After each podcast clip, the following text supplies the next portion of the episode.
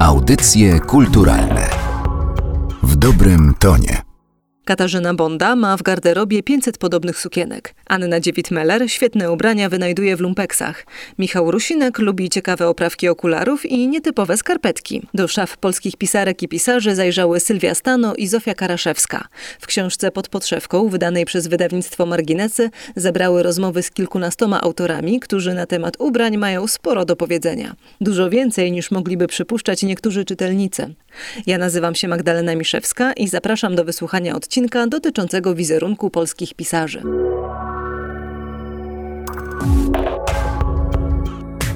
W audycjach kulturalnych e, spotykamy się z e, autorkami książki Pod podszewką Prawdziwy wizerunek e, pisarza Sylwią Stano i Zofią Karaszewską. Dzień dobry. Dzień dobry. A rozmawiać będziemy przede wszystkim o wizerunkach współczesnych pisarzy, którzy stali się bohaterami tej właśnie książki. I zanim do tego przejdziemy, ja chciałam się podzielić taką swoją refleksją, bo jakiś czas temu brałam udział w szkoleniu dotyczącym komunikacji interpersonalnej i było tam takie zadanie, które wydaje mi się, że powtarza się od wielu lat, bo świadczą o tym chociażby zdjęcia, które wyglądały jakby były z przełomu lat 80. i 90., że na podstawie zdjęcia trzeba odgadnąć, jaki zawód dana osoba wykonuje i to oczywiście ma być zaskakujące dla tych, którzy zgadują. No i była tam pewna pani, która siedziała przy biurku w dużych e, okularach, e, w niezbyt ładnym swetrze i za nią e, była półka z książkami. Na pytanie, czym zajmuje się ta pani, odpowiedź była, no ta pani jest przecież pisarką. Później się okazało, że pani nie jest żadną pisarką, tylko asystentką prezesa i wniosek, który jakby się nadaje już na inną rozmowę, po co w ogóle to robić. Wniosek był taki, że powinna się inaczej ubierać, ale wniosek, który nas interesuje jest taki, że ludzie chyba wciąż mają takie wyobrażenie pisarza, że on właśnie gdzieś tam w tym e, brzydkim, starym swetrze siedzi w kącie e, z zakurzonymi książkami i tam po prostu sobie pisze. I czy to jest faktycznie jakiś taki powszechny wizerunek pisarza i pisarki? Chyba warto oddzielić dwie rzeczy, bo pisarze, jeśli rzeczywiście siadają do biurka i piszą, i to również zdradzili nam e, w trakcie tych rozmów do podpoczynku podszewką. Ubrani są bardzo różnie. Katarzyna Bonda pisze w polarze, bo jej zimno i musi być zapięta pod szyję. Bardzo często też pisarze nie wychodzą z piżamy. Także tak naprawdę w trakcie procesu twórczego, kiedy są odcięci od świata, to ubierają się bardzo różnie. Ja tutaj mam zdjęcie poglądowe z Instagrama Anny Dziewit-Meller, która również jest bohaterką książki. To jest właśnie strój roboczy, no, no, czyli dresy, t-shirt, śmieszne kapcie i sweter. Ale to jest ten pisarz, który nie pokazuje się światu. No, tutaj zresztą też na tak. tym zdjęciu nie ma twarzy ani Dziewit Meller.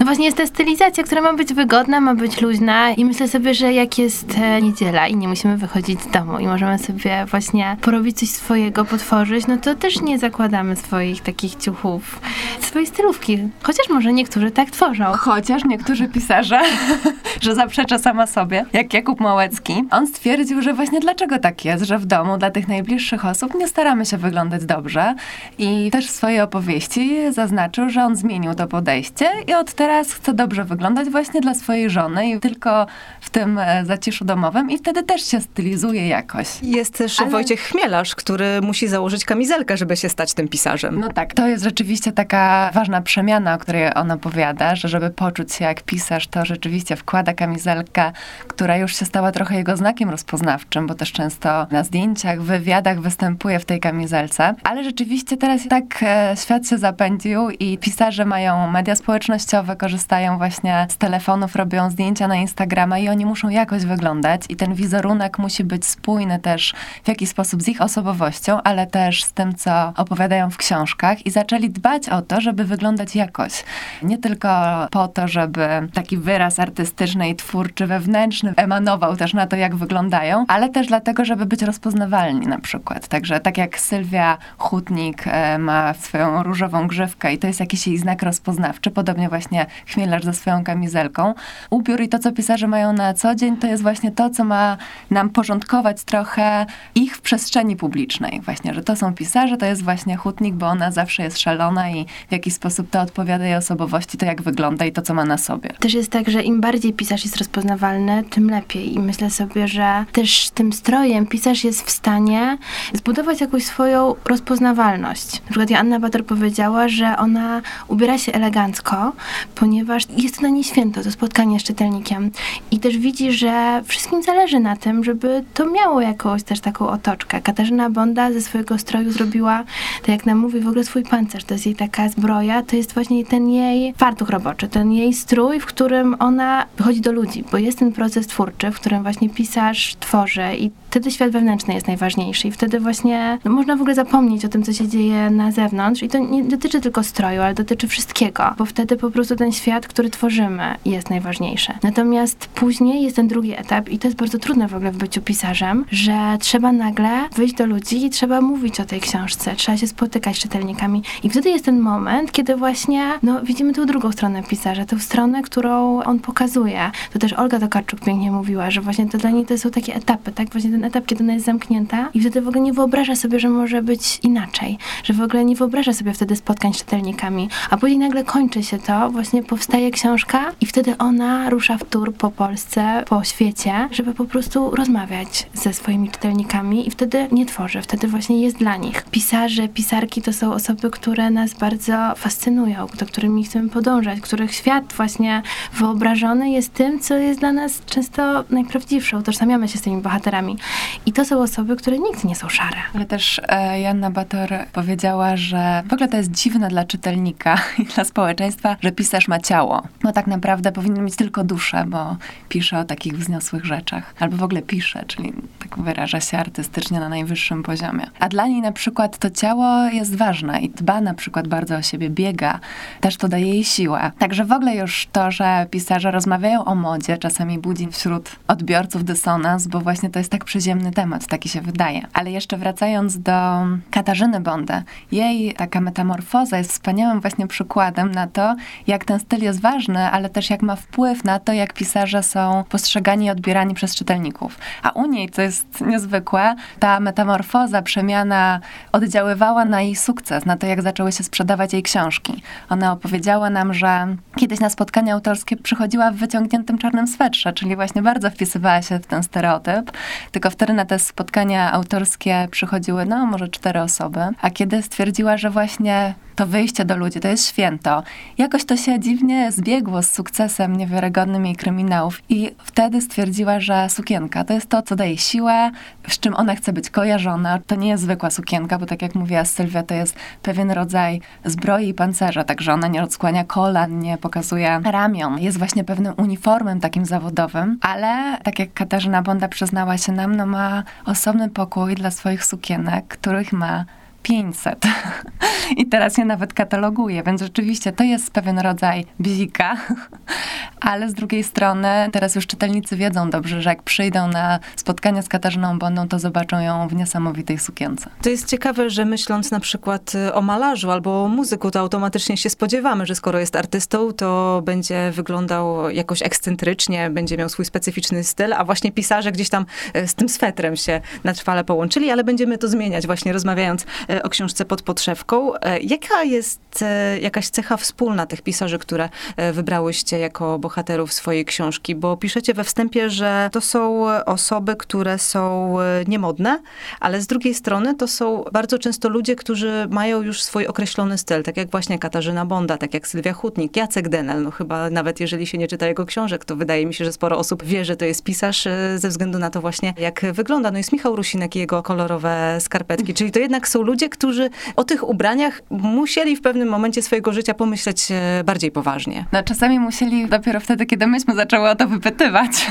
ale to już e, inna sprawa. Czy oni są niemodni? Znaczy na pewno nie podążają ślepo za trendami. I to jest coś, na co zwróciłyśmy uwagę, że jeśli kropki są modne, to pisarze od razu nie rzucają się i nie zaczynają ich nosić, ale na przykład dla niektórych te kropki są ważne i gdzieś tam się przewijają od zawsze. Na pewno pisarze cenią taką historię, która w ubiorze się może zawierać. Jakub Małecki opowiada, że właśnie dla niego każdy zakup, każda rzecz, każdy ciuch, który ma w domu, jest związany z jakąś historią. Janna Batar tak samo.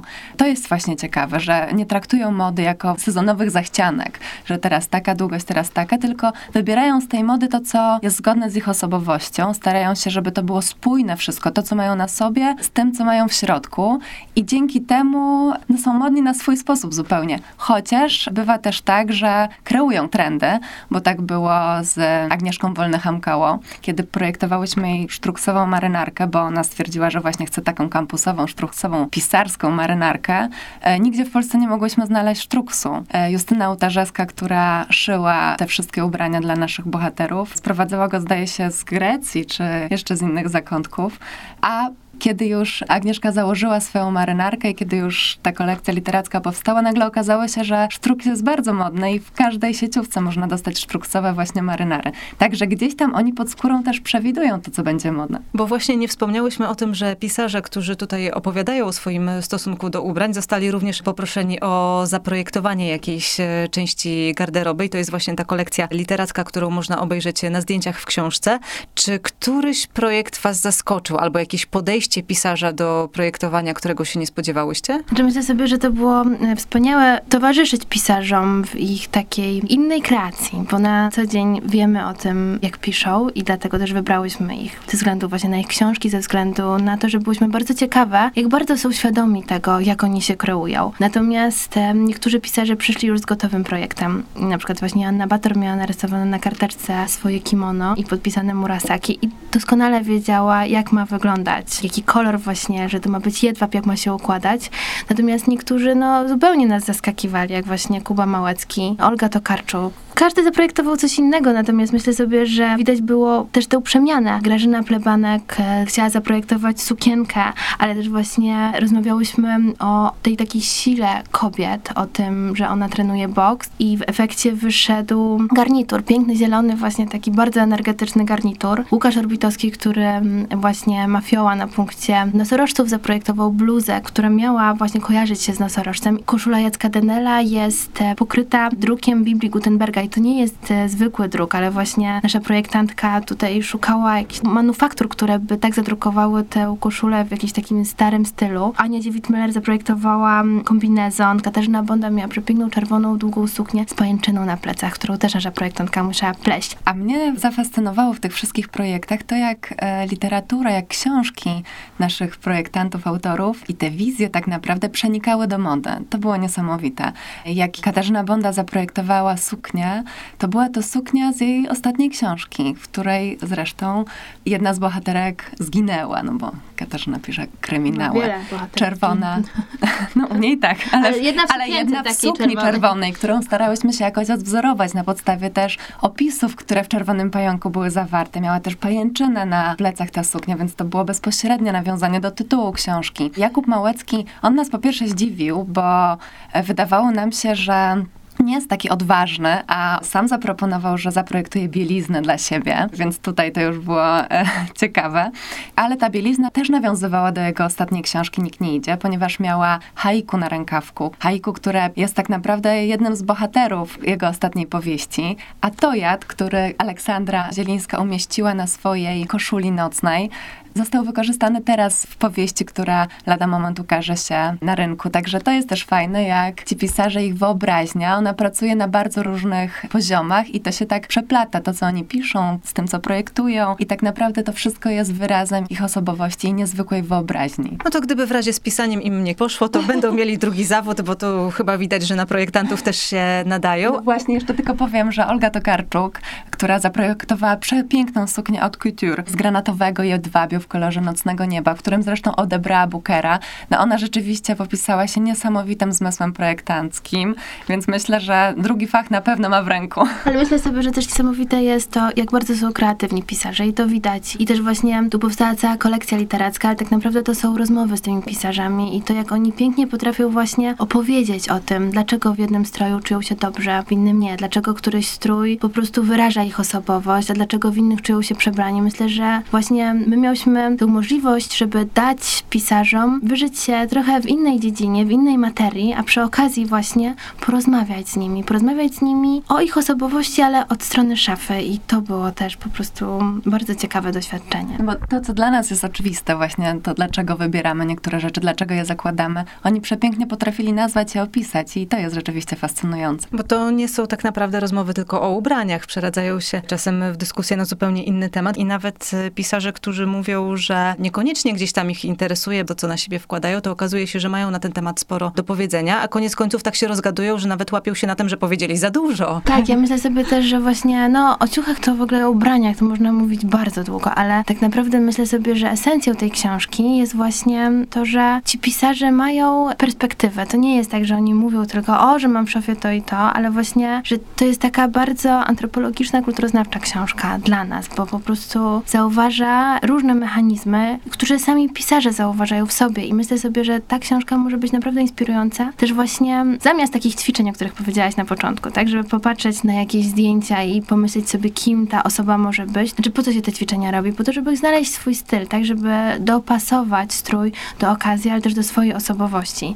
I myślę sobie, że to jest fantastyczna podróż, w którą zapraszają nas ci pisarze, bo oni opowiadają nam też o swoich pierwszych poszukiwaniach, o tym właśnie, dlaczego strój czasem był manifestem, a czasem był zbroją. Dlaczego właśnie postanowili tak się ubrać, a kiedy się źle czują. I to jest psychologia mody. I właśnie wiemy, że może ten wybór, który podejmujemy rano przed szafą, co na siebie włoży, może jest tym najważniejszym wyborem w ciągu dnia, bo też ustawia nas, jak będziemy się czuli. Przez to, jak będziemy się czuli, jak będziemy odbierani przez innych, może co nam się uda tego dnia osiągnąć, albo i nie. Także myślę sobie, że no, próbowałyśmy trochę zanurkować. My oczywiście stawiamy więcej pytań niż dajemy odpowiedzi. Zapraszamy do tej podróży razem z pisarzami. To, co zauważyłaś, że wiele tajemnic nasi rozmówcy, pisarze zdradzili. Rzeczywiście, to już czytelnicy zwracają nam i krytycy uwagę na to, że nie są w stanie zrozumieć, jak udało nam się tyle właśnie jakichś sekretów intymnych czasami wydobyć z naszych bohaterów. Wydaje mi się, że to nie jest do końca nasza zasługa, ale też zasługa właśnie tego tematu, który, no właśnie to jest ubranie, coś, co jest blisko ciału, coś, co jest naturalne.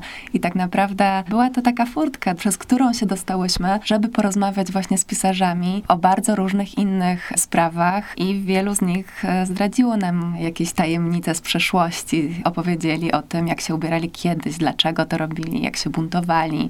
Opowiedzieli o swoich kompleksach na przykład, jak tuszują je ubiorem. Także dla wszystkich też spragnionych takich tajemnic związanych ze swoimi ulubionymi pisarzami, no ta książka ich nie zawiedzie z pewnością. To tajemnic nie będziemy zdradzać, ale możemy porozmawiać też e, o tym, co jest może takie mniej tajemnicze, ale mnie e, trochę zaskoczyło. Otóż to, że pisarze obserwują siebie nawzajem i zdają sobie sprawę z tego, e, jaki wizerunek ma jakiś inny pisarz. Marta Guzowska na przykład zauważyła, że polskie pisarki są świetnie ubrane. Często pojawiał się Szczepan Twardoch jako jakiś chyba taki wzór niedościgniony dobrego wizerunku. To jest też ciekawa sprawa, że oni doskonale wiedzą, w czym się chodzi w tym pisarskim świadku. Marta Guzowska to w ogóle też była fascynująca rozmowa z nią, bo po pierwsze zaprojektowała taki trench, który się absolutnie kojarzy właśnie z kryminałem, ale Marta Guzowska jest archeolożką, więc podszewka tego trencha jest zadrukowana w pismo linearne chyba typu B. Nie wiem, może tutaj coś przeinaczam, ale właśnie ona też fascynuje się kretą i to jest właśnie to pismo stamtąd. Ale też myślę sobie, że bardzo ciekawe było to, że te nasze pisarki, bohaterki naszej książki tak inaczej mówią o tym starzeniu się kobiet. I tak absolutnie są wbrew tej propagandzie sukcesu, którą często widzimy w kolorowych magazynach, którą widzimy też właśnie na tych social mediach, w których oni są, więc to jest taki powiew świeżości, że one zupełnie inaczej kształtują tę swoją kobiecość, że właśnie pokazałaś zdjęcie Ani Dziewit-Meller z Instagrama, no, które nie jest piękne, wystylizowane i po prostu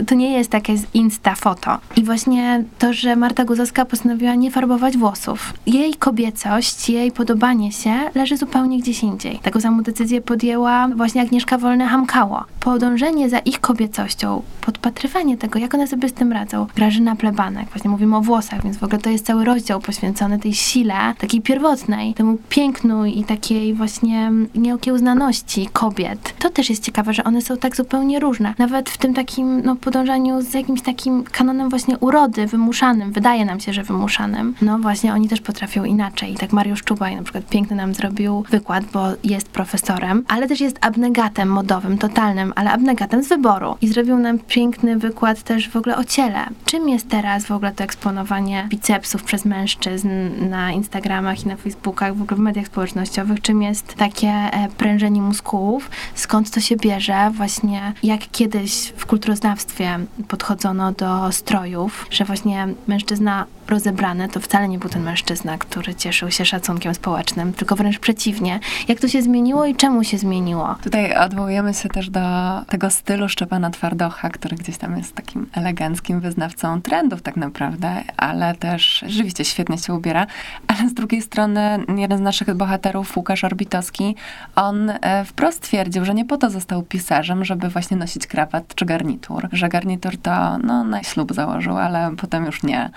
I tak naprawdę w t-shirtach wyraża swoją osobowość i ten fragment garderoby daje mu moc. Więc rzeczywiście w tej abnegacji i zaprzeczeniu temu, co jest modne, też e, pisarze znajdują siłę. I to też nie jest tak, że niemodni to oznacza, że włożą e, na siebie cokolwiek, bo wydaje mi się, że nikt z tej grupy nie wziąłby po prostu mhm. czegoś, co gdzieś tam sobie obok leży i nie włożyłby na siebie, bo jednak mimo tego, że nie są na bieżąco z trendami, to właśnie to, co tutaj padało wiele razy, oni mają swój styl, wiedzą w czym chcą chodzić, w czym nie chcą chodzić i nawet jak Mariusz Czubaj idzie poprowadzić wykład w dresie, to robi to celowo. A czy strój pisarza może szokować, wzbudzać kontrowersje? Bo taki przypadek też był w książce. Joanna Bator i sukienka, w której odbierała Nikę. nagrodę Nikę. Po tym, jak Joanna Bator dostała Nikę, rzeczywiście były takie głosy, że pokazała ramiona, że była zbyt wydekoltowana.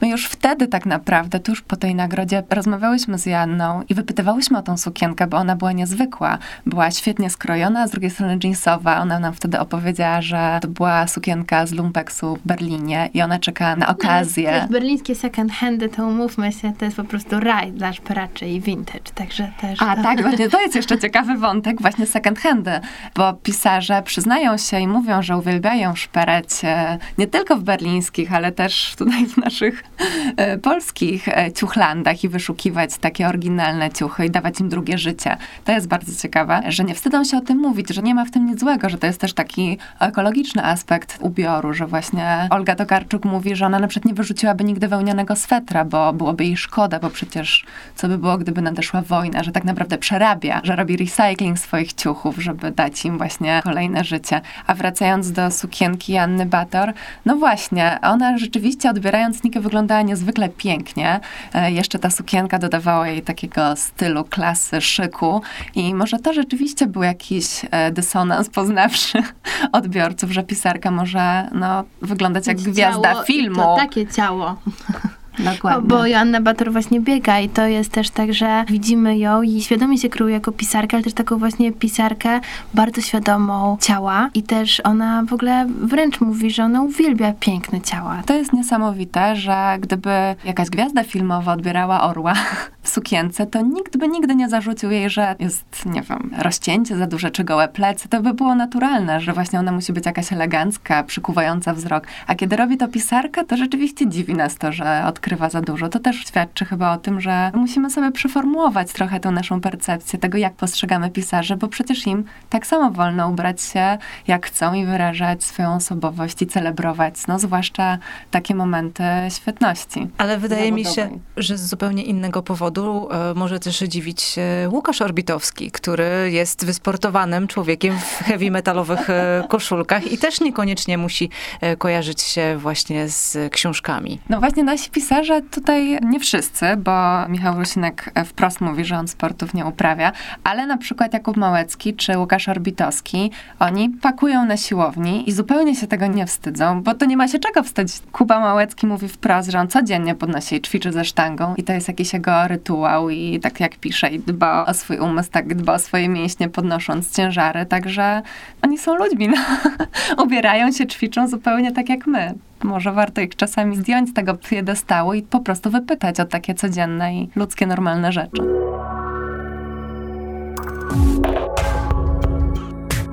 O tym, jaki stosunek do ubrań mają współcześni pisarze i pisarki, przeczytacie w książce pod podszewką. A o to, jak ubierali się przedwojenni twórcy, zapytałam wiceprzewodniczącą Grupy Rekonstrukcji Historycznej Bluszcz, Ewę Łukasik.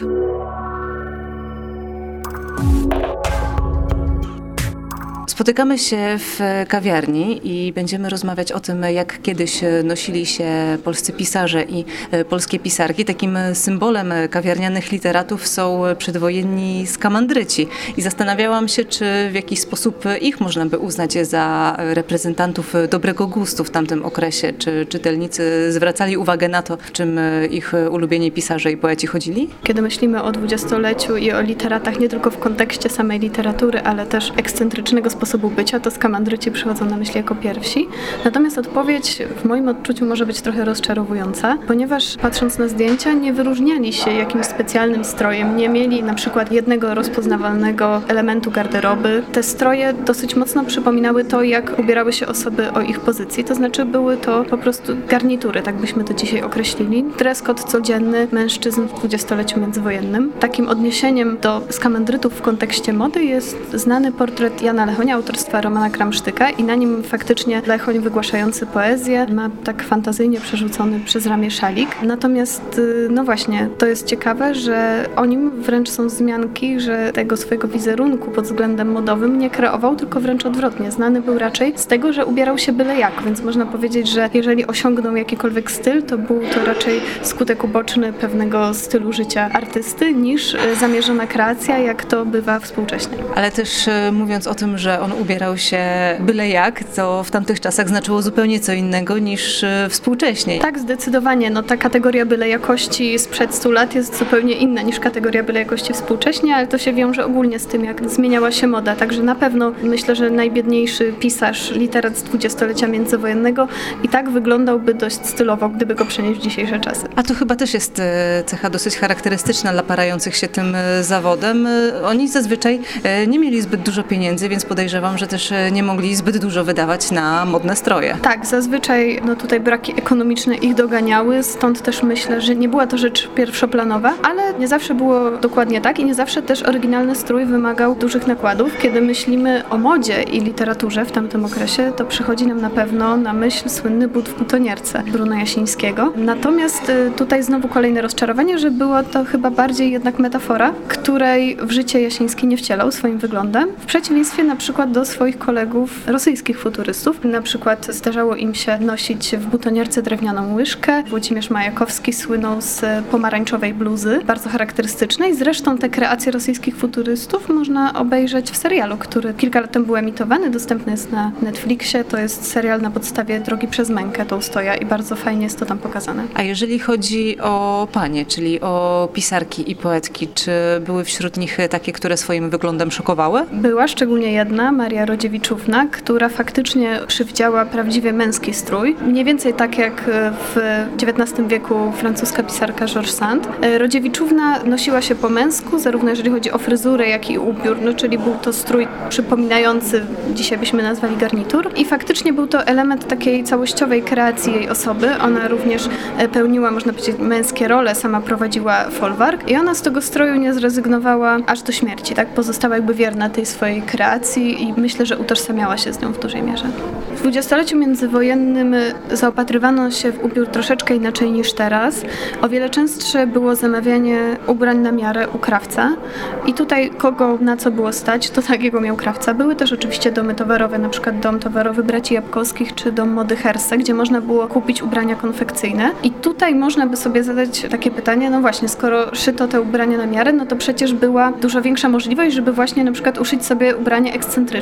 Tylko należy pamiętać, że te ubrania były o wiele droższe i zarówno kobiety, jak i mężczyźni mieli ubrań o wiele mniej. I jeżeli taki literat miał bardzo mało pieniędzy, to stać go było pewnie na jeden, maksymalnie dwa codzienne garnitury, w związku z czym raczej prawdopodobnie inwestował w garnitur, który mimo wszystko będzie zgodny z takimi ogólnie przyjętymi kanonami. Szczególnie, że należy pamiętać, że to jednak były czasy, kiedy strój bardzo wiele mówił o człowieku, czyli potencjalnie mogło też być wiele okazji, na które potrzebny był taki zwykły strój. Dzisiaj właściwie, jeżeli ktoś jest artystą, to posługując się tą swoją przynależnością do tej grupy, może przyjść w dowolnym stroju gdziekolwiek i będzie to w miarę zaakceptowane. Natomiast przed wojną absolutnie tak nie było i myślę, że właśnie ta różnica w sposobie zdobywania ubrań, że one nie były tak powszechne i były dużo droższe, jest kluczem do odpowiedzi na to pytanie, dlaczego na przykład skamandryci tak mocno nie inwestowali w cudzysłowie w ekscentryczne stroje. Jeżeli chodzi o pisarzy, którzy w jakiś sposób e, charakterystycznie kreowali swój wizerunek, no to mi od razu przychodzi do głowy człowiek, który żył już e, nieco później i tworzył e, po wojnie, czyli Leopold Tyrmand, który słynął chociażby ze swoich kolorowych skarpetek. Tak, jak najbardziej. Te kolorowe skarpetki w ogóle są takim symbolem oporu wobec władzy komunistycznej w tamtym okresie. One oczywiście były charakterystyczne nie tylko dla Tyrmanda. On nam się kojarzy bardzo ze stylem bikiniarskim, pewnie też dlatego, że kreował w swojej literaturze postaci, które w ten sposób się ubierały, ale sam również również był swego rodzaju dandysem tamtych czasów. Starał się przełamać tą codzienność właśnie różnymi charakterystycznymi elementami stroju. To nie były tylko skarpetki, ale na przykład przykrótkie spodnie, mocno watowane ramiona w marynarkach, czasami kontrastowe zestawienia, na przykład ciemne koszule do jasnych marynarek. To nie jest jednak też tak, że Tyrmand wyglądał jak postacie z PRL-owskich kronik potępiających e, ten ubiór bikiniarski. On był, można powiedzieć, jedyny w swoim rodzaju i jak wspominają jemu współcześni, zdarzało mu się też ubierać w sposób bardziej stonowany, a mimo wszystko wyróżniał się, ponieważ bardzo mocno czerpał z brytyjskich wzorów ubierania się i myślę, że sama ta większa dbałość o strój i elegancja w tamtym okresie, w latach 50., już wystarczały do tego, żeby się wyróżniać na tle innych. Tyrman znany był z tego, że miał różnych krawców i bardzo sobie cenił u krawców, jeśli potrafili spełnić życzenie klienta w 100%, a nie realizować swoje pomysły tak, jak im się wydawało, że będzie lepiej. I faktycznie, co jest ciekawe, on no, nie kupował w domach towarowych, on właśnie szył u krawców, ewentualnie kupował na tak zwanych ciuchach. Komentator sportowy z tamtego okresu, Jerzy Szuszko, określił go jako komandosa Diora zrzuconego na tyły przeciwnika, mając tutaj e, zapewne na myśli to, że faktycznie Tyrman wyłamywał się zdecydowanie e, z tego kanonu, który starała się narzucić władza, chcąc, by naród ubiorem wyrażał pewną estetykę związaną z socjalizmem, z socjalizmem. A czy w ogóle możemy powiedzieć, że literaci pełnili taką rolę wczesnych celebrytów, e, czy właśnie w czasach międzywojennych, kiedy skamandryci mieli ten swój słynny stolik w kawiarni, czy podpatrywano, jak się ubierają? Myślę, że na pewno w dużej mierze literaci byli celebrytami. Dom Spotkań z historią wydał w cyklu Historii Mówionej wspomnienia warszawiaków i warszawianek właśnie z okresu międzywojennego i jedna z pań wspomina, że chodziły do kawiarni i siadały z koleżanką pod antresolą, na której siadali przy stoliku e, skamandryci i tylko po to tam siadały, żeby przebywać w ich pobliżu i żeby może któryś na nie spojrzał. Zachowywały się jak typowe fanki w dzisiejszych czasach, tylko dzisiaj taka sława nie dotyczy zwykle literatów. Także myślę, że jak najbardziej oni mieli takie oddziaływanie. Natomiast ze względu na to, że ten sposób wyrażania się strojem, taki bardzo powszechny, myślę, że to jest kwestia już lat powojennych, związana też na przykład z powstawaniem subkultur. Natomiast y, w tych czasach przedwojennych wydaje mi się, że tylko takie bardzo skrajne przypadki, tutaj nie wartościując tego w żaden sposób, decydowały się na to, żeby tym strojem y, siebie wyrazić. Czyli był to już taki zdecydowanie bardzo mocny akcent, ale chyba jednak było to jeszcze rozumiane inaczej niż dzisiaj, kiedy właściwie praktycznie każdy z nas ma jakiś swój indywidualny styl i w ten sposób coś wyraża, a raczej przed wojną stawiano na unifikację. Co więcej, młodzi ludzie jak najszybciej pragnęli dorosnąć i móc zacząć ubierać się jak dorośli i raczej panowała taka tendencja unifikująca niż wyróżniająca. Audycje kulturalne w dobrym tonie.